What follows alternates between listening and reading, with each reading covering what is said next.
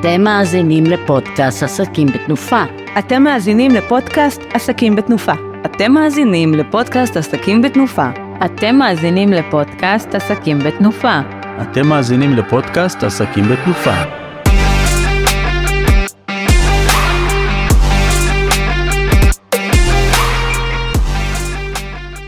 שלום שלום וברוכים הבאים לפודקאסט עסקים בתנופה פרק 32 והיום אני עם אתי ששון בעלים של אתיקה סוכנות לביטוח מה שלומך אתי?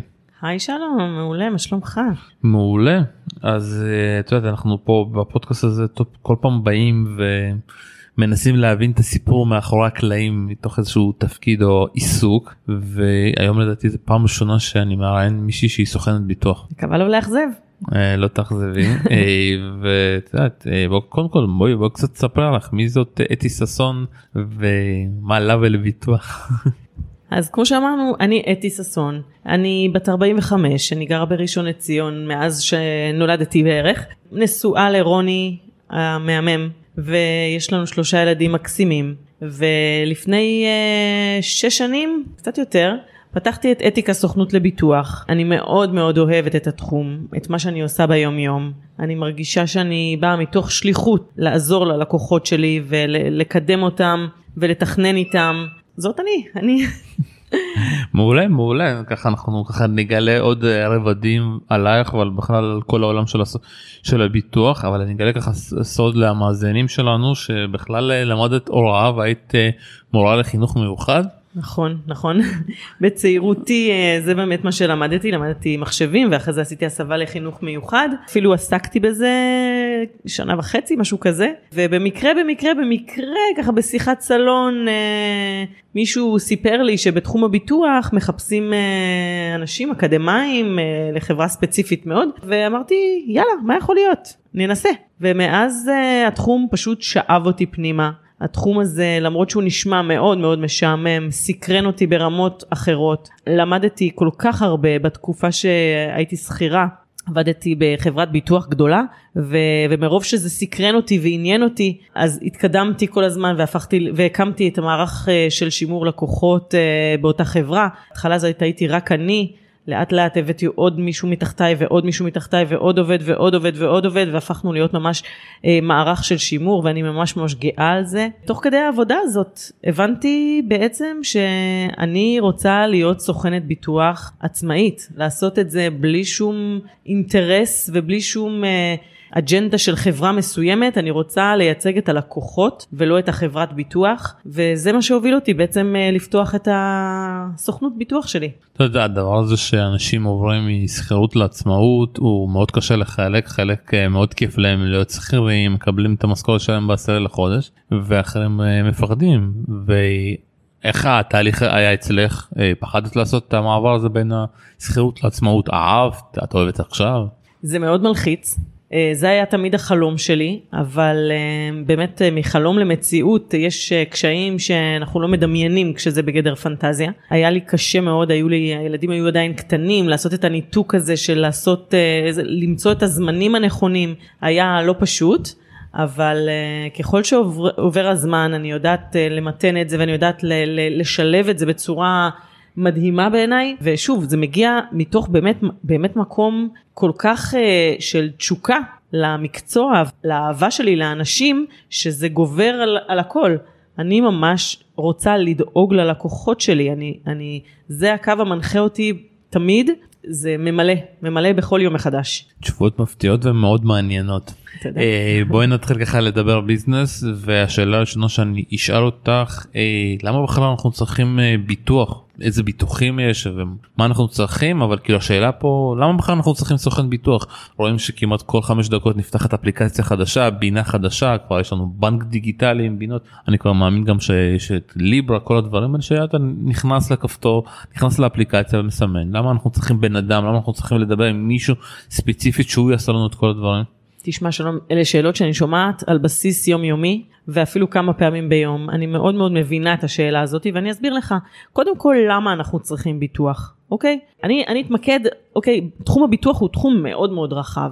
אני לא, לא אגע בכל כל התחומים של אה, ביטוח, אה, מה שנקרא אלמנטרי, שכולל בתוכו את הביטוחים לרכב, לדירה, ל, לרכוש, אוקיי? אני אגע דווקא בפן הביטוח אה, שנקרא, הכותרת שלו זה פנסיוני וחיים, שכולל בתוכו את כל באמת מה שקשור לפנסיה שלנו, לתכנון הפנסיוני, שזה פנסיה, קופות גמל, קרנות השתלמות, אלה דברים שבאמת מחייבים תכנון וסוכן ביטוח שבאמת ידע לעשות את הדברים האלה, וגם מה שקשור לביטוחי חיים ובריאות, שגם כאן, כמו שאמרת, אפשר לעשות את זה בלחיצת כפתור. אני אתחיל, אני אגע טיפה אחורה בלמה אנחנו צריכים את הדברים האלה, ואחרי זה למה בעצם אנחנו צריכים סוכן ביטוח. אה, אז למה אנחנו בעצם צריכים ביטוח בריאות נניח? ביטוח בריאות הוא בעצם, יש פער מאוד מאוד גדול בין הרצוי למצוי במערכת הבריאות הממלכתי שלנו, מה שנקרא בלשון העם קופת חולים. אנשים סומכים על קופת חולים שהכל יהיה בסדר, לא זקוקים לשום דבר, אבל הם לא יודעים שהמערכת, מערכת הבריאות הממלכתית, היא בעצם לא עומדת בקצב של החולים בארץ, ואנחנו רואים שיש באמת צורך ענק, אנחנו רואים היום המת, אה, המתנה לניתוחים פשוטים של חודשים, אנחנו רואים שיש צורך אה, של המתנה לקבלת ייעוץ רפואי, אם אתה רוצה רופא עור או רופא, לא משנה, אפילו בדברים הבאמת באמת הפשוטים והטריוויאליים, אנחנו זקוקים תורים מאוד מאוד ארוכים של חודשים, ואם זה מעבר לזה, אנחנו, היום יש כל מיני פתרונות, יש כל מיני חלופות, אה, אם יש צורך בניתוח נניח, היום יש רפרטואר של אה, דרכים אחרות שמחליפים את הניתוח, אם זה בלייזר ואם זה בהקפאה ואם זה, יש מיליון שיטות אחרות שלא כלולות במערכת הבריאות הציבורית ו, ו, ו, ולרופאים, כשהוא, כשאתה הולך לרופא אה, והוא יושב על, עם כובע של קופת חולים, אסור לו בכלל להציע לך את הפתרונות שהוא יודע שקיימים, אבל בגלל שקופת החולים לא יודעת להציע את זה, הוא לא יכול לדבר איתך עליו, אבל אם תלך לרופא, לאותו רופא, באופן פרטי, והוא יושב עם כובע של רופא פרטי, הוא ייתן לך פתרונות אחרים, פתרונות יצירתיים, פתרונות חדשניים שלא כלולים במערכת הבריאות הממלכתית. וזה למה אנחנו צריכים ביטוח בריאות פרטי. ביטוח בריאות פרטי נותן לנו אה, סוג של כרטיס אשראי בלי הגבלה לכל הטיפולים הרפואיים שאני זקוקה. אז אם יש צורך רפואי, אם יש קטסטרופה רפואית, ביטוח בריאות פרטי בא ומכסה את כל העלויות ואת כל הפתרונות ואת כל הרופאים שאתה רוצה לעשות והכי טובים והרפואה הכי, ואם יש צורך אפילו לעשות ניתוחים בחו"ל, מה שהבריאות הפרטית כמובן לא, לא נותנת, כל הדברים האלה כלולים בביטוח הבריאות הפרטי. אבל את יכולה לתת קצת אה, דוגמאות, אה, דוגמאות של אנשים שהיה להם ביטוח אה, פרטי בריאות פרטי ואיך הם השתמשו בו אנשים שפתאום לא היה להם והם ככה אמרו וואי למה לא עשיתי. אני אדבר איתך ממש דוגמה באמת באמת הכי שקורית על בסיס חודשי נניח עם המבוטחים שלי. אה, ניתוחי כפתורים לילד, לילד. ביטוח באמת באמת ניתוח סליחה. מאוד מאוד פשוט אבל מה? במערכת הבריאות הציבורית כמו שאמרתי יש המתנה של תשעה חודשים. כש, כשיש צורך אני לא, לא מכירה אימא אחת שהילד שלה זקוק לניתוח שהיא מוכנה לחכות תשעה חודשים. אז הנה היא פונה אליי ואומרת לי את הצורך ומיד מיד תוך כמה ימים אנחנו מתאמים לה תור לניתוח ופותרים את העניין בשניות. וזה באמת על קצה המזלג וזה הדוגמה הכי, הכי שכיחה והכי פשוטה ומכאן רק הדמיון יכול אה, להוביל אותך לבאמת ניתוחים קשים וניתוחים מסובכים וניתוחים שצריך לעשות בחו"ל ו- וזה גם מה שמעביר אותי לעוד ביטוח אה, ש- שהתחלנו אה, לגעת בו זה הביטוח החיים. אה, לחיי אדם בעצם אין ערך. כל בן אדם יכול להעריך את עצמו באיזה סכום שהוא רוצה אבל יש אנשים כל בן אדם או רוב הבני רוב האנשים יש להם אנשים שתלויים בהם כלכלית ואז הם רוכשים בעצם ביטוח חיים שלמקרה שחס וחלילה הם ילכו לעולמם הם בעצם מעבר לאובדן הקשה של המשפחה אה, בדמות שהם מאוד מאוד אוהבים, יש חוסר כלכלי. אם יש מישהו, אה, איזשהו אב משפחה או אם משפחה שנוטלים חלק בהכנסה המשפחתית והם הולכים לעולמם, אז החלק הזה נעלם ופתאום המשפחה נמצאת בחסר כלכלי וכאן ביטוח חיים בא לפתור את החסר הזה. אבל אתה יודע, רוב האנשים אני מכיר שהביטוח חיים אה, מכניסים להם את זה שהם קונים משכנתה. לאו דווקא, פה... אז לא, השאלה שלי כאילו, אני פשוט לא מכיר אנשים גם שאין להם משכנתה, כן או שאת אומרת להם אתה חייב גם שיהיה לך ביטוח חיים גם אם אין לך משכנתה? ודאי, קודם כל הביטוח משכנתה בא לבטח אך ורק את הבנק. הבנק נותן לך משכנתה, הוא רוצה לדעת ש-no matter what הוא יקבל את הכסף שלו בחזרה, גם אם אתה חי וגם אם אתה מת, אוקיי? ולכן הוא מחייב אותנו לעשות ביטוח חיים, וזה הגיוני. אבל מה קורה אם אותו בן אדם שלקח משכנתה, הולך לעולמו? נכון, המשכנתה נעלמת, אבל מה קורה עם כל ההכנסה שלו? אם ההכנסה שלו היא סתם לצורך הדוגמה 15 אלף שקל בחודש, אוקיי? איפה? מתוך, החל, מתוך ה-15 אלף שקל נניח, נניח ש-3,000 שקל היה לה החזר של המשכנתה. איפה כל הדלתא של ה-12 אלף שקל האלה?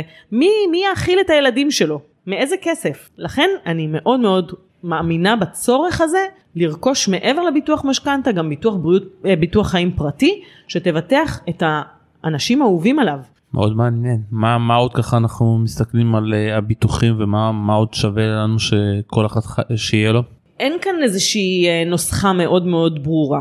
כשאני נפגשת עם לקוח אני בראש ובראשונה בודקת את התיק הביטוחי שלו, אני בודקת עם כל חברות הביטוח מה יש, ולא רק לאדם, אלא כמשפחה. כשאני ניגשת אה, לתיק, למשפחה חדשה, אני בודקת גם את הבעל וגם את האישה וגם את הילדים, איזה ביטוחים קיימים להם, ומשם אני מתחילה לנתח את הצרכים שלהם, מה התקציב שלהם, כמה הם מרוויחים בכל חודש, במה הם עוסקים, מה הסיכונים, איזה תחביבים יש להם, איזה, מה העבר הרפואי שלהם עם המשפחה.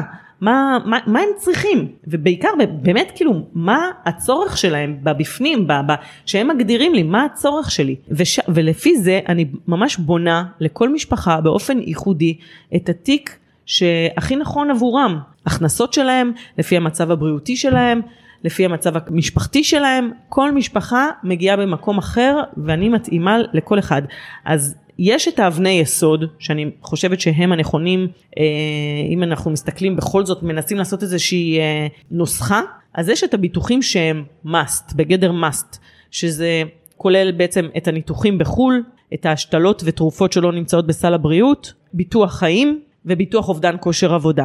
אוקיי? אלה הדברים שאני לא מצליחה לישון בלילה אם אני פוגשת בן אדם ואני מבינה שאין לו את הביטוחים האלה. משם והלאה יש את כל הדברים אחרים שנחמד שיהיו.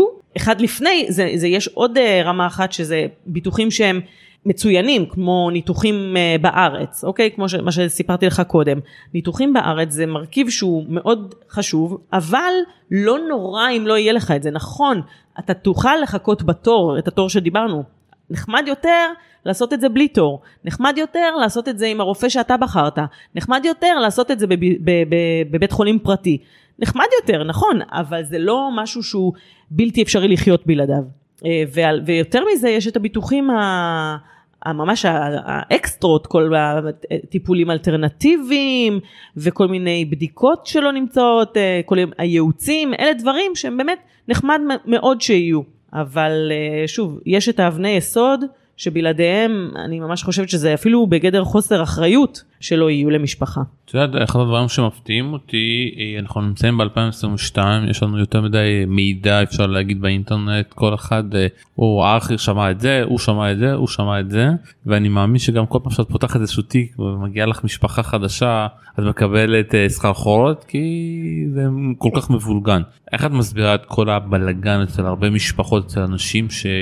יש את כל הידע אבל הם, זה כל כך מבולגן שלפעמים אובר ביטוחים לפעמים הם משלמים סתם דברים שהם לא צריכים לפעמים הם לא משלמים על שום דבר והם צריכים. לצערי יש אה, המון uh, פרסומות שמבהילות ו, וכל מיני מוקדים כאלו שמתקשרים ו, ועושים uh, ביטוחים ואנשים מפחדים מהתחום הזה. אנשים לא רוצים להכניס את התחום הזה הביתה יש uh, באמת אני רואה על אנשים שהם שיש להם המון המון ביטוחים כאלה כי הם רק רק רוצים אוקיי יש ביטוח כזה יאללה תעשה לי בלי בכלל להבין בלי בכלל הבנה מה זה כולל בלי בכלל uh, uh, להיכנס למהות של הדבר אז נוצר מצב שיש לאנשים המון המון ביטוחים שהם כמו ש, מה שאמרתי לך קודם. ה, אה, to have, יש להם הרבה כאלה, אבל אין להם את הבסיס, וזאת הסיבה למה מאוד מאוד חשוב, וזה מה שאני עושה בעסק שלי, להיות בקשר לפחות לפחות בכל שנתיים, אני יוצרת קשר עם הלקוחות שלי ועושה בריף על כל התיק הביטוחי,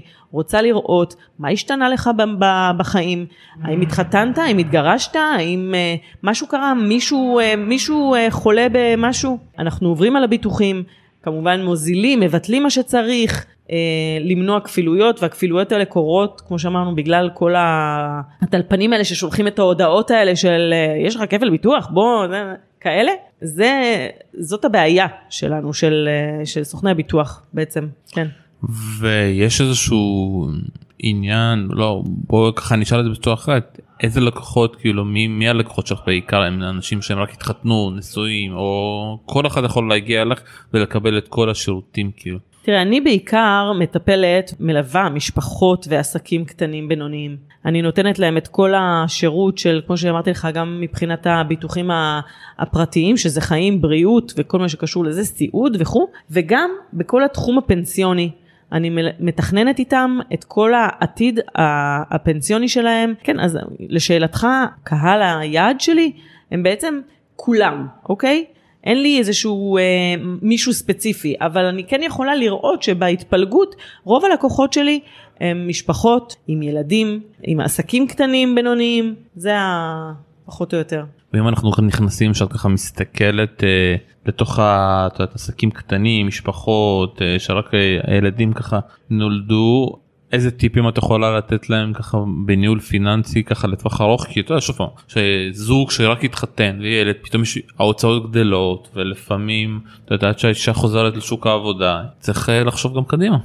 אה, נכון אז בגלל זה בדיוק אנחנו בכל בכל צומת בחיים אני נמצאת שם. כשנולד ילד חדש אז אני בערך השנייה או שלישית לדעת את זה. כשמישהו חולה במשפחה אני בערך השנייה שלישית לדעת את זה. בכל, בכל, אה, בכל הצמתים החשובים המשמעותיים בחיים הסוכן ביטוח שהוא משמעותי נמצא שם ללוות את, ה, את המשפחה, ללוות את הזה ולקבל את ההחלטות המושכלות, מה עושים עם הביטוחים, איך משמרים אותם, איך מנמיכים את העלויות כשצריך, איך משחררים קצת שאפשר. זה בדיוק המקום שלי כסוכן הביטוח, ו, ואם שאלת מה הדבר הכי חשוב ב, כשעושים את הביטוח בריאות, אז אני אגיד לך בשתי מילים, הדבר הכי חשוב כשעושים ביטוח בריאות זה בעצם גילוי נאות. למה אני מתכוונת?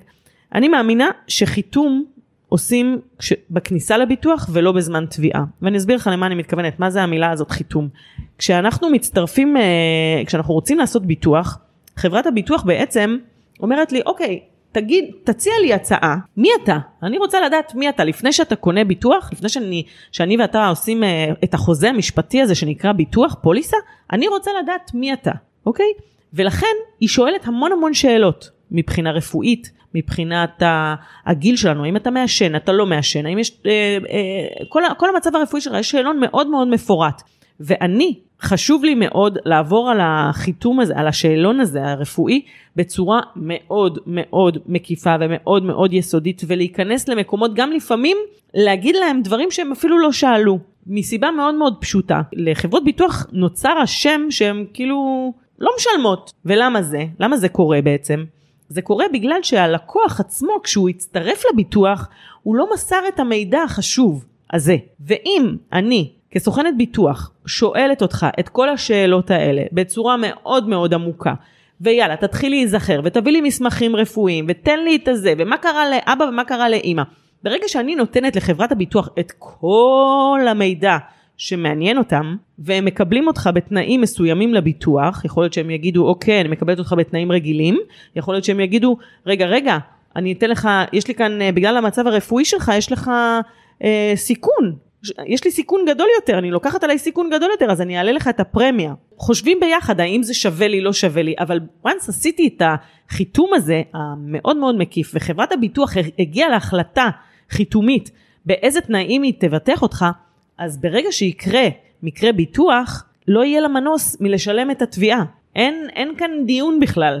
אתה מבין? זה ה... וזה קורה שוב פעם בתהליך שאת כאילו עוברת עם הלקוח ולפני שאנחנו חותמים לפני שאנחנו מקבלים את הפוליסה את בודקת ממש כל הסעיפים בדיוק נבדקו ב-200 אחוז ב-200 עיניים. זה בדיוק התפקיד המשמעותי ביותר של סוכן ביטוח העיקר זה לא לעשות עוד פוליסה העיקר זה לא מכירה אני רואה את התפקיד שלי כשליחות, כלעשות לב, למבוטחים שלי, את הדבר הזה משלמים כסף בכל חודש, ואני רוצה שביום תביעה הם יקבלו בדיוק את מה שמגיע להם ולא לא, לא, טיפה פחות. טיפ מעולה, יש עוד, עוד איזשהו טיפ? אם אני אתפקס, אתה יודע מה, אני קצת אקפוץ לנושא אחר, טיפה דיברנו על בריאות ועל חיים, באמת על הטיפ הזה של הגילוי הנאות, אבל אני רוצה להסביר לך טיפונת על הגישה שלי כ- כסוכנת ביטוח, אני חושבת שסוכן ביטוח טוב הוא בראש ובראשונה באמת איש מקצוע, איש מקצוע שחייב להיות תמיד מעודכן. אני אישית כל הזמן ממשיכה ללמוד, כל הזמן ממשיכה להתעדכן, אם זה מבחינת הדיגיטליות, כלומר דיגיטציה, אם זה מבחינת רגולציה, אם זה מבחינת ההשתלמויות על, על תנאי פוליסות, לדעת, לחקור את כל הפוליסות בכל חברות הביטוח, להכיר את היתרונות של כל חברה וחברה. אז זה בעניין של איש מקצוע, סוכן ביטוח חייב להיות איש מקצוע. מצד שני הוא גם סוג של פסיכולוג, כמו שאמרתי, אתה נתקל בכל, בכל מה שקורה בחיים שלו, הוא בא אליי ושואל אותי מה לעשות, איך לעשות, איך מתמודדים, מה, מה עושים. סוג של פסיכולוגית. אז יש לי גם את הפן הזה. מצד שני, אני גם מלווה פיננסית. מלווה פיננסית זה אומר שאני מטפלת, אני מתכננת עם הלקוחות שלי את העתיד הפנסיוני ואת הכספים הפנויים שלהם, גם, גם עם הדברים האלה. זה, זה עוד פן של סוכן ביטוח. כלומר, סוכן ביטוח צריך לתת ערך מעבר לביטוח עצמו, שכמו שאמרת, את הביטוח עצמו אפשר לעשות בלחיצת כפתור בכל אתר באינטרנט. זה גם סוג של, אתה יודע מה, זה גם, אני משייכת גם את תפקיד שלי כסוכן ביטוח לעולמות של עורך דין וייעוץ מס. יש מלא פתרונות מיסוי שאני צריכה לדעת כדי שתקבל את, ה, את הפתרונות uh, הכי טובים. לתכנן את העתיד הפיננסי הזה גם מבחינת המיסוי. אז זה עוד, בקיצור, כמו שאמרתי, זה הרבה מעבר לסיכונים הביטוחיים, אה, יש צורך בערך אמיתי, במיוחד במציאות שבה ההחלטות שאנחנו עושים היום משפיעים עלינו בעוד שנים ועשרות שנים קדימה. כלומר כל החלטה שאנחנו מקבלים היום אנחנו יודעים אם עשינו אותה נכון או לא נכון בעוד 10-20 שנה תלוי בגיל המבוטח. אני ככה רוצה לך גם לשאול אותך איזושהי דוגמה שאתה יכולה לתת ככה מלקוחות עבר שלך מלקוחות קיימים ש... גילית משהו ושינית שוב פעם משהו מהראייה שלך שאת חושבת שזה באמת אה, ודאי זה זה קורה המון של לקוחות שהם אה, אה, נניח לקוח שהוא צעיר בתחום הפנסיוני נמצא בקרן פנסיה במסלול שהוא עם מסלול שהוא עם רמת סיכון נמוכה. אני חושבת שזו טעות. ככל שאנחנו צעירים יותר יש לנו את הזמן לתת, אה, לתקן את התשואות הרווחיות העתידיות שלנו. ואם אני רואה לקוח צעיר בן 20 פלוס, 30 פלוס, אפילו 40 פלוס, שנמצאים במסלולים שמרניים, אז שוב, כמובן אני חייבת להתאים את זה ללקוח עצמו, אבל ברגע שיש לי לקוח שהוא אה, אה, מבין את המשמעות של זה, כן, אז יש מקום לתקן, כמובן דמי ניהול, תמיד להיות מעודכנים ולקבל את הדמי ניהול הכי טובים שאפשר לקבל. אה, אם אני יכולה לתת לך אה, טיפ שאמרת, זה בעצם זמן, אוקיי? מילת המפתח בעיניי הוא זמן.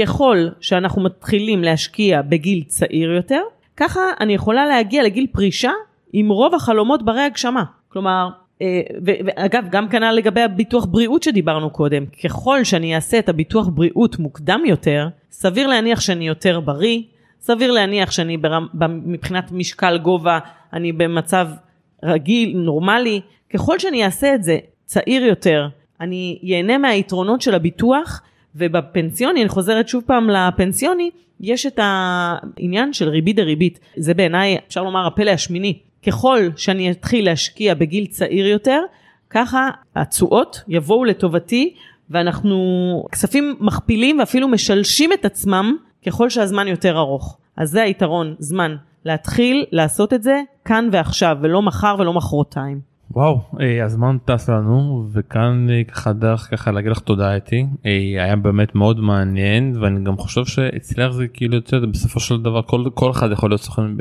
ביטוח, אבל גם צריך לדעת איך לגשת וגם להיות פסיכולוג בחלק מהזמן. וכאן אני חושב ככה המאזינים ככה הבינו מהצד ככה בשיחה הזאתי ש... זה חייב לבוא ביחד. אה, אני מסכימה ולא מסכימה איתך באיזשהו אה, נקודה שאני חייבת לתקן אותך, לא כל אחד יכול להיות סוכן ביטוח. במיוחד היום. זה היה נכון לגבי לפני 20-30 שנה, היום כדי להיות סוכן ביטוח זה לימודים של שלוש שנים, זה מבחנים של, ה, אה, של משרד האוצר, זה מבחנים מאוד מאוד קשים. אני אישית מכירה אנשים שנלחמים ועושים את המבחנים האלה שנה אחרי שנה ולא עוברים את ההסמכה הזאת ואני שמחה על זה שהמדינה הבינה שגם את התחום של הביטוח צריך למקצע. צריך לעשות איזשהו תנאי סף שלא כל אחד יכול להיות סוכן ביטוח, שיש איזשהו, אה, שצריך איזשהו ידע בסיסי והיום הוא מעבר לבסיסי, הוא רחב מאוד, שחשוב מאוד ש, ש, שיהיה את זה לסוכני ביטוח ובאמת אה, היום אה, זה המצב, הוא הולך ומשתפר. וכאן הדרך להגיד לך תודה אתי ששון בעלים של אתיקה סוכנות לביטוח. תודה רבה לך שלום היה מהמם. כאן היה שלום סלדנוב ביי ביי.